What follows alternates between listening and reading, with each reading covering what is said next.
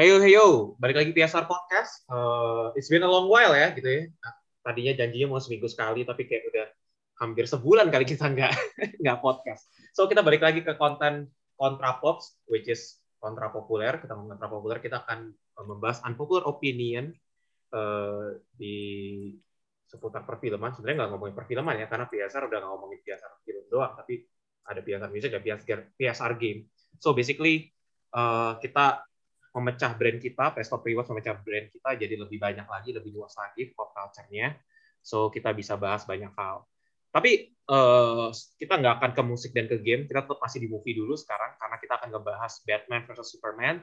So hari kali ini gue nggak ditemenin sama Isman, kali ini gue ditemenin oleh one of the PSR volunteer yang cukup oke okay, dan dan excited banget, very excited untuk membahas ini. Coba senyum sapa sayang dulu Trisna. Hai. gue pertama kali buat. Iya iya, santai santai, chill ya chill. So kita yeah, yeah. akan bahas Batman versus Superman sama Trisna. Tapi again, kita akan bahas kontra popsnya atau unpopular opinionnya. Kalau mainstream opinionnya kan orang-orang pada nggak suka dengan BVS ya.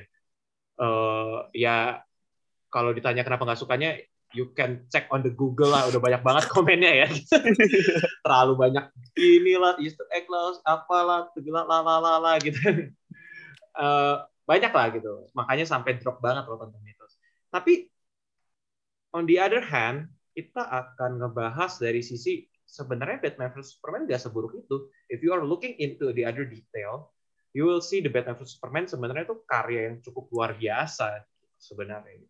Nah tapi uh, dari mana? Kita harus jelasin dong kenapa ini sebuah karya yang luar biasa. So gimana Trisna? You go, yeah. you, you lead the the, the discussion. Oke. Okay. Uh, kenapa gue mulai dari apa? Kenapa gue pengen nyari topik ini karena uh, banyak banget ya keresahan gue buat ngangkat topik ini yang dulu waktunya pertama kali gue nonton BVS emang gue nganggap itu jelek ya karena gue waktu itu belum ngerti banyak tentang film jadi akhirnya pengen kemarin nonton lagi dan pengen aja ngangkat ternyata nggak nggak buruk-buruk banget gitu. Tapi malah jadi bagus banget itu oke okay, yang oke okay, poin pertama yang yang pengen gue angkat di ini untuk mendasari uh, Bat, apa Batman vs Superman itu nggak jelek-jelek banget. Bahkan mal, malah bisa jadi bagus. Itu adalah poin pertama itu Ben Affleck bang bang Adri. Ben Affleck itu oke okay, mungkin orang yang lahir di tahun 2000 atau ke atas itu mungkin banyak yang nggak ngerti Ben Affleck terutama gue apalagi kalian yang nggak pernah non apa ngikutin industri film gitu. Iya jadi main, jadi mainnya umur ya sekarang ya?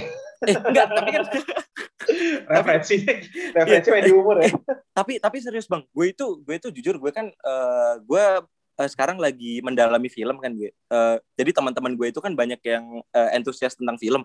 Mereka itu kan banyak di layar umur 2000 tuh banyak banget yang nggak ngerti film-film bagus di bawah tahun 2000 bahkan atau film-film yang sutradara yang mungkin dibilang yang ngerti edgy itu bahkan nggak semua ngerti gitu. Karena ya menurut gue faktor umur itu dan dan ketika dia udah dewasa umur 2000, 2011 tuh mereka udah beda aja itu ininya uh, referensi film yang di bioskop tuh udah beda-beda gitu. Kayak uh, udah udah masuk Marvel jadi standar-standar itu jadi beda gitu loh. Maka itu banyak orang yang ngerti Ben Affleck termasuk gue waktu itu gitu.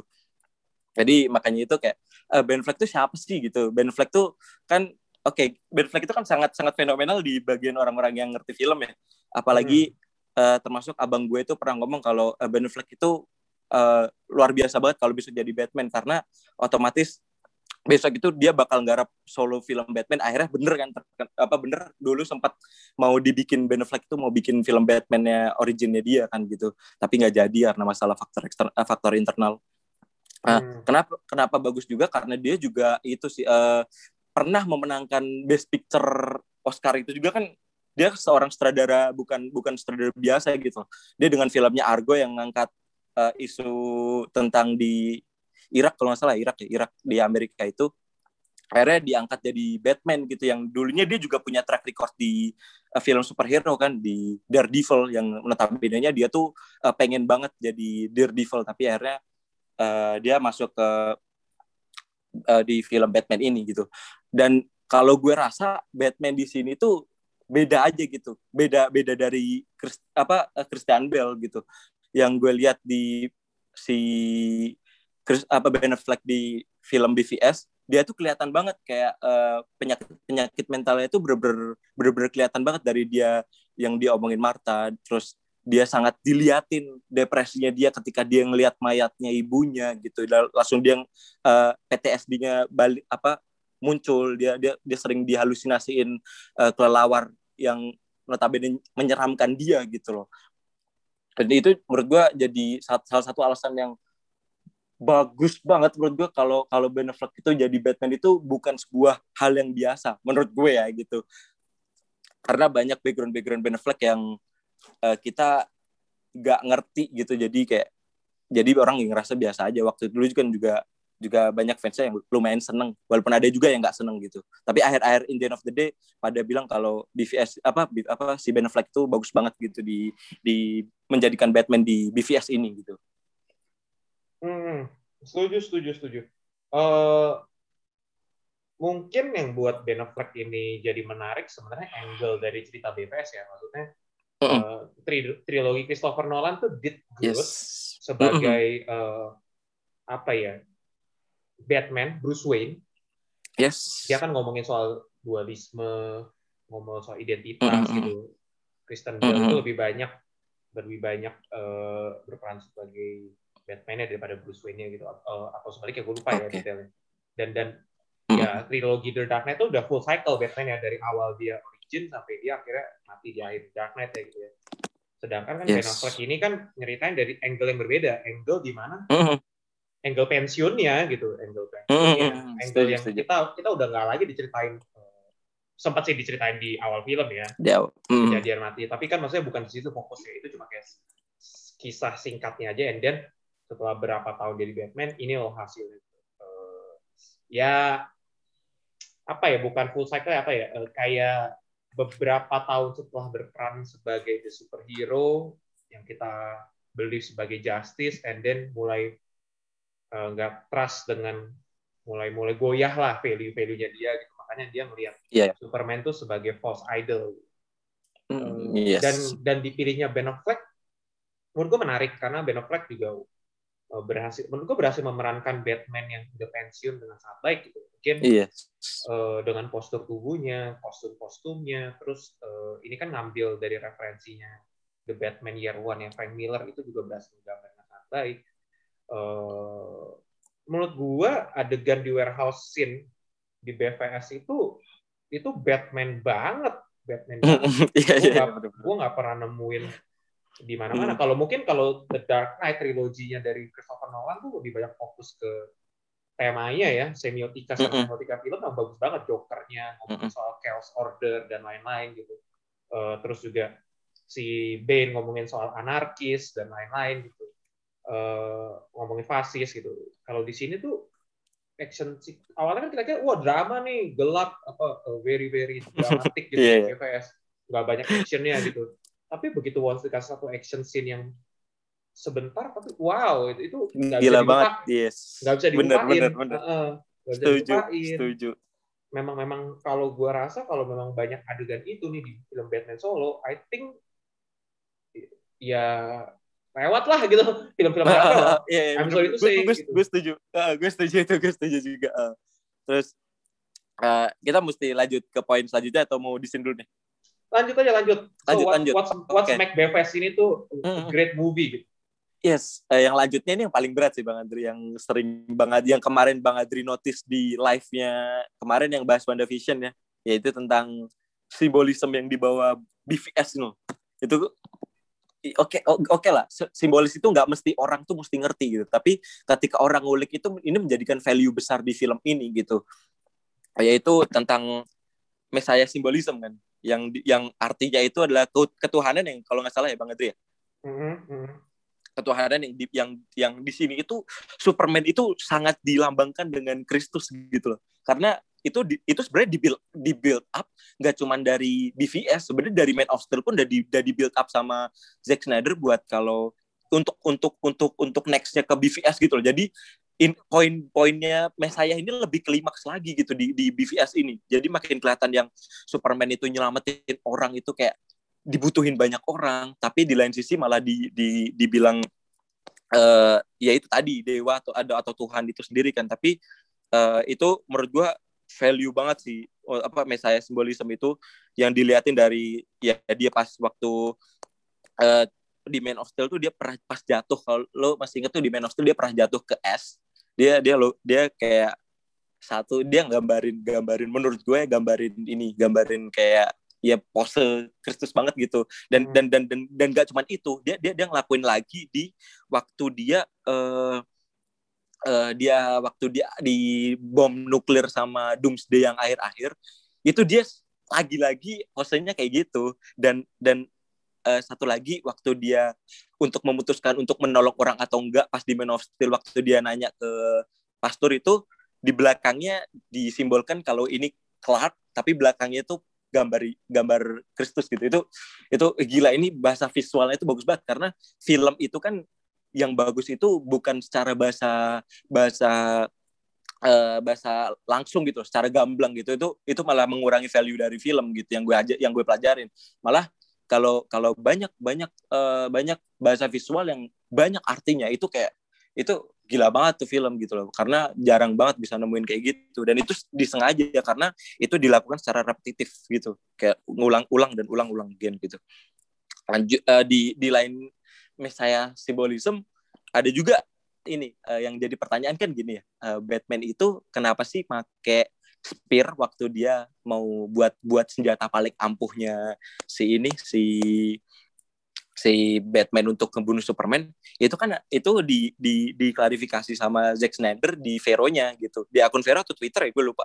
Uh, dia itu ngupload gambar gambar Yesus tapi lagi mau ditombak. Karena gue juga dengar-dengar kalau nggak salah uh, Kristus itu pernah dicek untuk terakhir kalinya dia masih hidup gak itu pakai spear correct me when I'm wrong ya karena hmm. gue juga nggak terlalu mendalam di situ gue cuma nanya ke teman gue kemarin yang yang punya pemenang punya ngerti di situ gitu itu sih kayak itu bagus banget menurut gue ngasih ngasih ngasih simbol-simbol kayak gitu yang sebenarnya secara tidak langsung itu bagus banget gitu. Iya yeah, iya, yeah. there's so many symbolism di sini. Mm -hmm. Dan oh, itu it's it's a good things kan karena karena uh, film yang bagus itu film yang menimbulkan uh, diskusi setelah dia setelah setelah dia selesai menonton. Jadi masih banyak yang bisa diulik oleh oleh penonton ini dengan dengan cara berdiskusi itu. Itu ada teori film yang mengatakan kayak gitu, tapi gue lupa ininya. Lupa siapa yang ngomong gitu. Tapi ada dia pernah ngomong kayak gitu. Iya, iya. Uh, banyak banget sih kalau kita ngambil detail ya maksudnya gue, yeah, gue yeah. cukup gue cukup banyak ngulik soal BPS ini karena gue suka banget dan banyak mm -hmm. beberapa jurnal riset dan esai-esai yang ngebahas itu ada yang mm -hmm. ngebandingin uh, eh, BVS uh, eh, korelasinya dengan dengan ini dengan apa uh, simbolis bahwa masa kecil Batman yang waktu di kuburan ditarik sama uh, Bat itu atau apa sih mm -hmm. kelawar yeah, yeah. kelawar yeah, yeah. itu itu itu bukti bahwa dia tuh diangkat uh, diangkat untuk untuk jadi Tuhan dan tanda kutip a man-made God gitu, a man-made mm, God. Mm, mm, so ketika Batman dihadapkan dengan the real God Superman, itu dia tuh kayak useless gitu, nggak powerless lah gitu. Makanya dia jadi yes. villain di situ, simbol villainnya yeah. sebenarnya di universe tuh Batman. Mm, Tapi ironisnya Superman yang dianggap orang-orang dewa dan lain-lain, padahal dia di manusia. Jadi ironis nih, Batman yang sebenarnya manusia di berusaha ingin jadi the god gitu makanya mm -hmm. dia ngejudge orang ngebrand yes. orang ngebrand, mm, ngebrand kriminal dan lain-lain terus kalau Superman yang sebenarnya punya kemampuan dewa tapi dia sebenarnya fragile mm -hmm.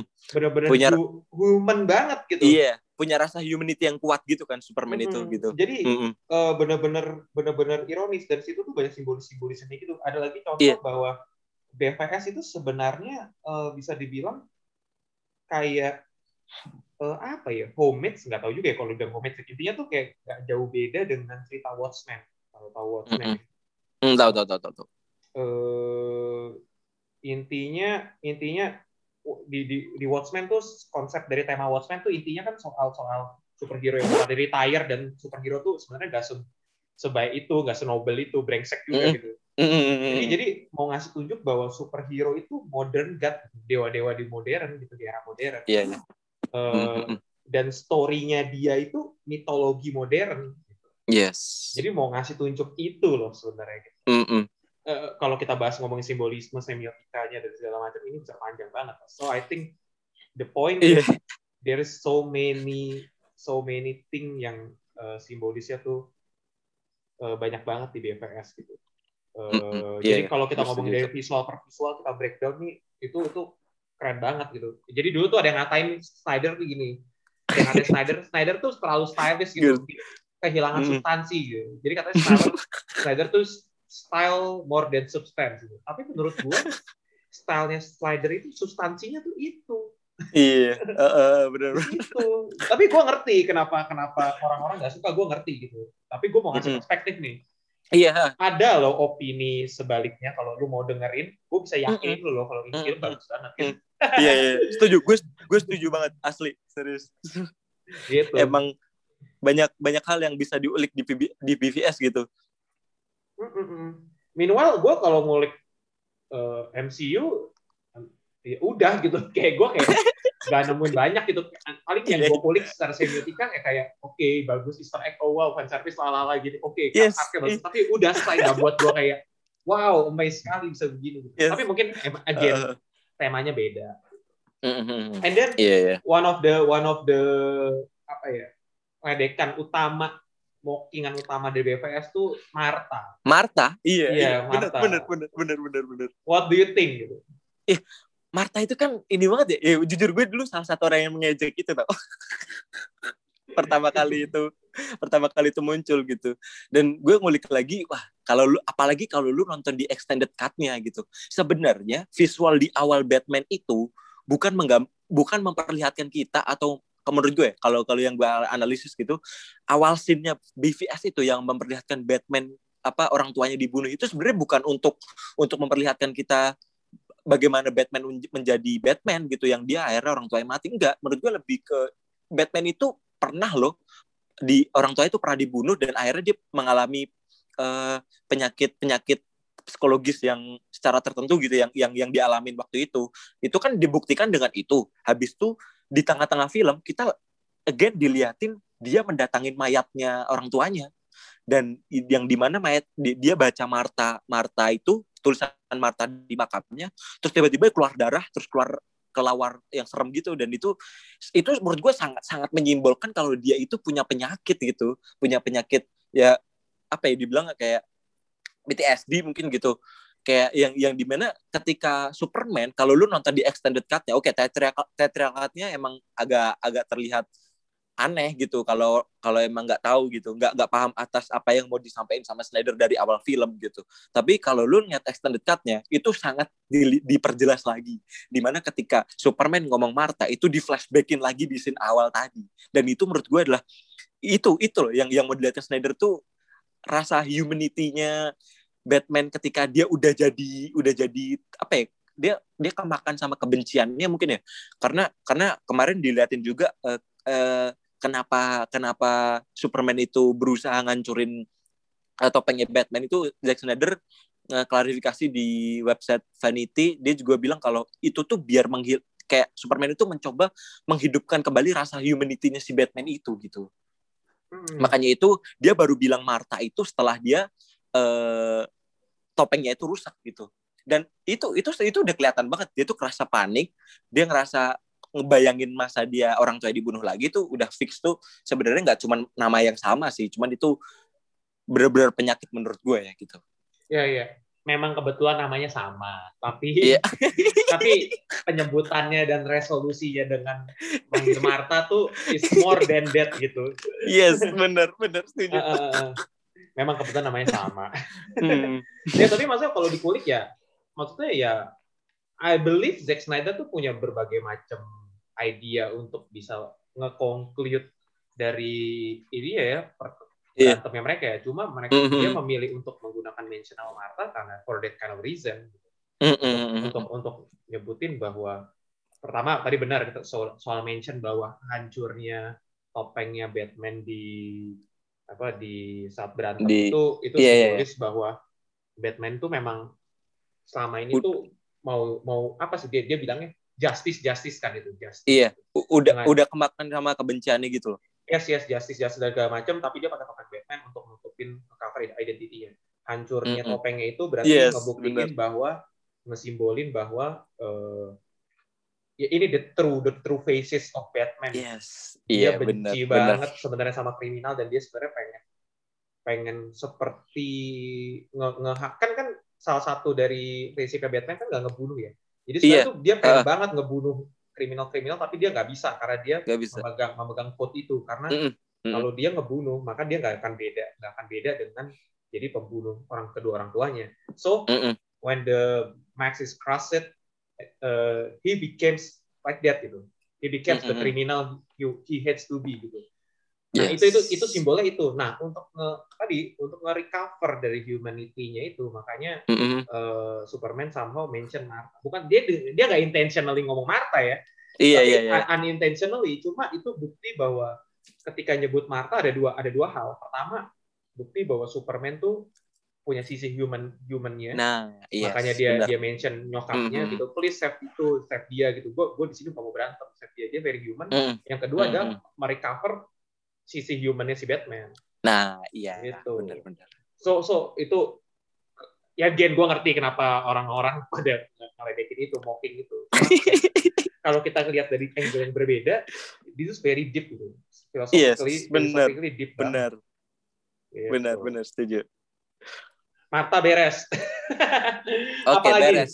Biasanya nih yang diledekin, yang diledekin tuh biasanya ini uh, terlalu banyak tiba-tiba without uh, without planting, without apa munculin munculin Aquaman, iya. munculin Wonder Woman, uh, uh, uh, munculin bener, si bener, bener, bener. The Flash, munculin si ini, kebanyakan lah gitu.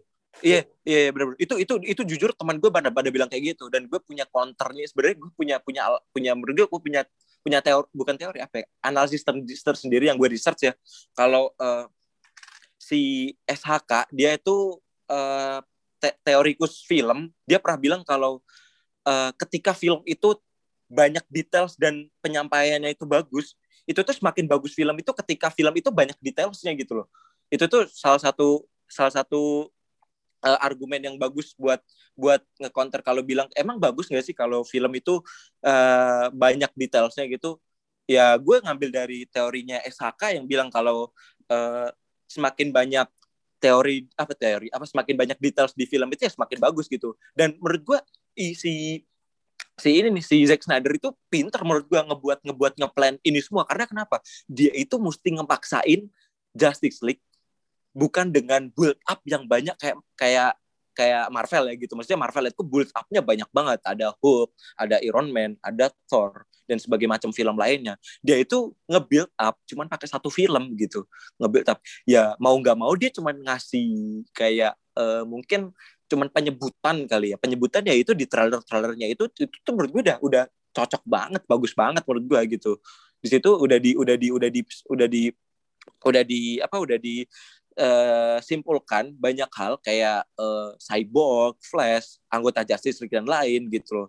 Dan nggak cuma itu sebenarnya detail-detail yang diberikan kan gitu. Bahkan dia ngeberikan Robin juga kan ngasih ngasih kalau di situ timelinenya Robin udah mati gitu. Robin nggak tahu di situ Jason Todd apa yang apa ya. Kalau kalau di komiknya kan itu Jason Todd ya yang mati dibunuh Bat apa si Joker itu karena dibakar gitu. Dan, uh, dan dan dan dan yang menurut gue yang paling menarik nih jujur yang bikin gue exciting dari dulu nonton BVS dari pertama kali gue nonton BVS itu adalah Flashpoint sebenarnya. Yang di mana tiba-tiba Flash itu datang terus dia bilang kalau uh, kuncinya itu adalah perempuan itu gitu. Lois Lane dia bilang gitu kan. Itu itu itu gue kayak anjir ini waktu itu gue juga lagi research tentang injustice ya waktu itu. Jadi kayak ngerasa mungkin apa bisa apa ini bakal jadi injustice ya gitu. Karena karena kita dilihatin nightmare-nya aja referensinya katanya injustice kan gitu. Ya di mana Superman itu jadi jahat gitu karena Lois Lane mati gitu. Itu keren sih menurut gue itu itu yang bikin bikin detail detail yang tetap cukup bikin menarik gitu. Siapa sih yang nggak mau lihat Flash Aquaman di film itu gitu? Menurut gue semua orang at least itu kan digunain di film selanjutnya dan itu sebuah informasi gitu loh. Bukan kayak dia nih munculin orang yang tiba-tiba akhirnya bukan siapa-siapa gitu. Gitu sih di Iya. itu itu. Kalau kalau poin gue sih gini. Pada hmm. awalnya Zack Snyder ini ngedesain di CEO ini cuma lima film.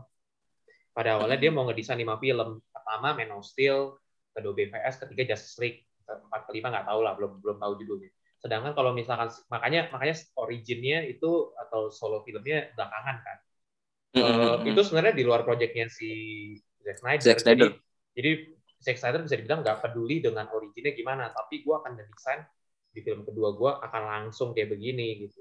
So yes. itu nggak itu nggak nggak nggak nggak jadi masalah. Maksudnya angle-nya beda. Kalau kalau Marvel kan mereka kenalin satu-satu terus puncaknya di Avengers gitu. Nah iya.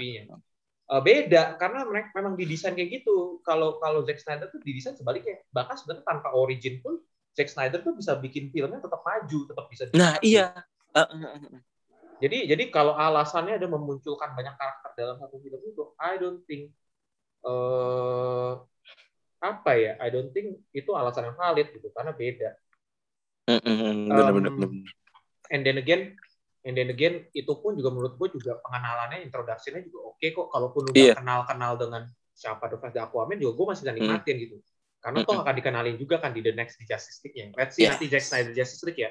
Apakah yeah, mereka yeah. bisa bikin uh, pengenalannya dengan sangat baik karena kalau yes. mengikuti Justice League yang versi theatrical itu sucks banget gitu pengenalannya. so kita lihat nanti akan gimana.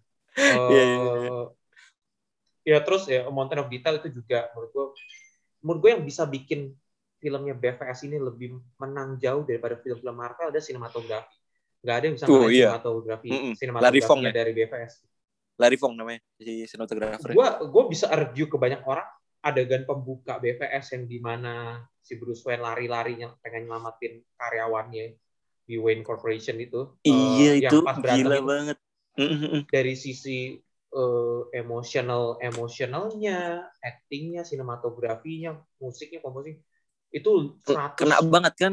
Dua kali, tiga kali lipat lebih oke okay daripada daripada dramatical momennya di MCU. Yeah. I don't know. You, you mention yeah. MCU paling paling most dramatical. Menurut gue itu paling dramatical. Maksudnya itu aja udah oh, itu aja udah kayak begitu gitu loh. Udah yeah, dramatis dan keren itu. banget.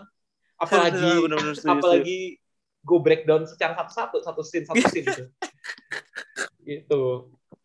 Dan dan ini bang uh, uh, jujur ya gue itu kalau kalau lu kalau ini kan perspektif banget menurut gue kalau gini gue itu suka senang banget scoring yang di mana Wonder Woman itu datang itu scoringnya bener-bener nggak nggak nggak ngilang sampai sekarang gitu yang yang itu ikonik banget men gitu dan gue nggak nemuin itu di MCU menurut gue ya gitu hmm. itu ikonik banget siapa sih nggak kenal Hans Zimmer gitu saya lu lihat Interstellar hidup kan juga salah satu elemennya karena scoringnya Hans Zimmer kan gitu. Hmm, punchline-nya dapet lah. Maksudnya gue akan bisa senandungin melodinya terus gitu. Ingat gue kalau disuruh senandungin mel melodinya dari tim song tim songnya Iron Man, Captain America, gue juga nggak tahu gitu.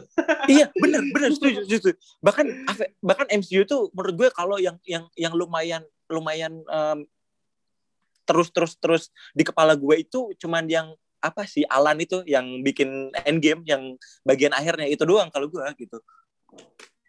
Iya, well, uh, ya gitu lah. iya, itu itu balik lagi ke perspektif sih. Kalau musik kalau perspektif banget gitu. Iya, iya. So, uh, kita kalau ngomongin ngomongin apa ngomongin ini bisa nggak kelar-kelar nih saking iya. so we, we we just we have to cut we have to cut the conversation so basically yes. itu itu argumen kita kenapa BVS itu nggak seburuk yang kalian pikir bahkan bisa dibilang ini great movie kalau kalian melihat yes. dengan angle yang berbeda Eh, nggak uh, semua film superhero tuh harus bentuknya tuh shon shonen lagi gue bilang apa istilahnya ya superhero action uh, yang entertain, entertain. Iya entertaining kayak Marvel maksudnya pendekatan BVS ini beda lebih mature beda. lebih uh, dramatik uh, uh, uh. lebih banyak philosophically speakingnya gitu uh, uh, uh, uh, uh. kalau kita lihat angle-angle-nya tuh banyak banget simbolisnya dan lain-lain jadi memang beda uh, jadi mungkin karena banyak orang mungkin udah terbiasa dengan kisah suksesnya Marvel, jadi nggak nggak heran kalau mereka ngebandingin. Iya, gitu uh, benar-benar. So itu aja, thank you teman-teman udah mau dengerin, thank you Krisna udah mau bantu. Yes, makasih Bang Adri. Oke. Okay. Kayak, kayak biasa teman-teman kalau ada mau topik-topik yang mau dibahas langsung komen aja atau di Instagram kita at Playstop Rewards atau ya bisa ke playstoprewards@gmail.com uh, email aja gitu. Atau di mana pun lah kita punya platform sosial media di di mention aja And then uh, jangan lupa untuk subscribe YouTube kita, jangan lupa follow Instagram kita juga, jangan lupa apalagi kita punya social media channel. oh, kita punya YouTube membership, jangan lupa langganan juga kalau kalian pengen lihat ya beberapa konten-konten seriusnya PSR nggak banyak sih tapi ya ada lah gitu.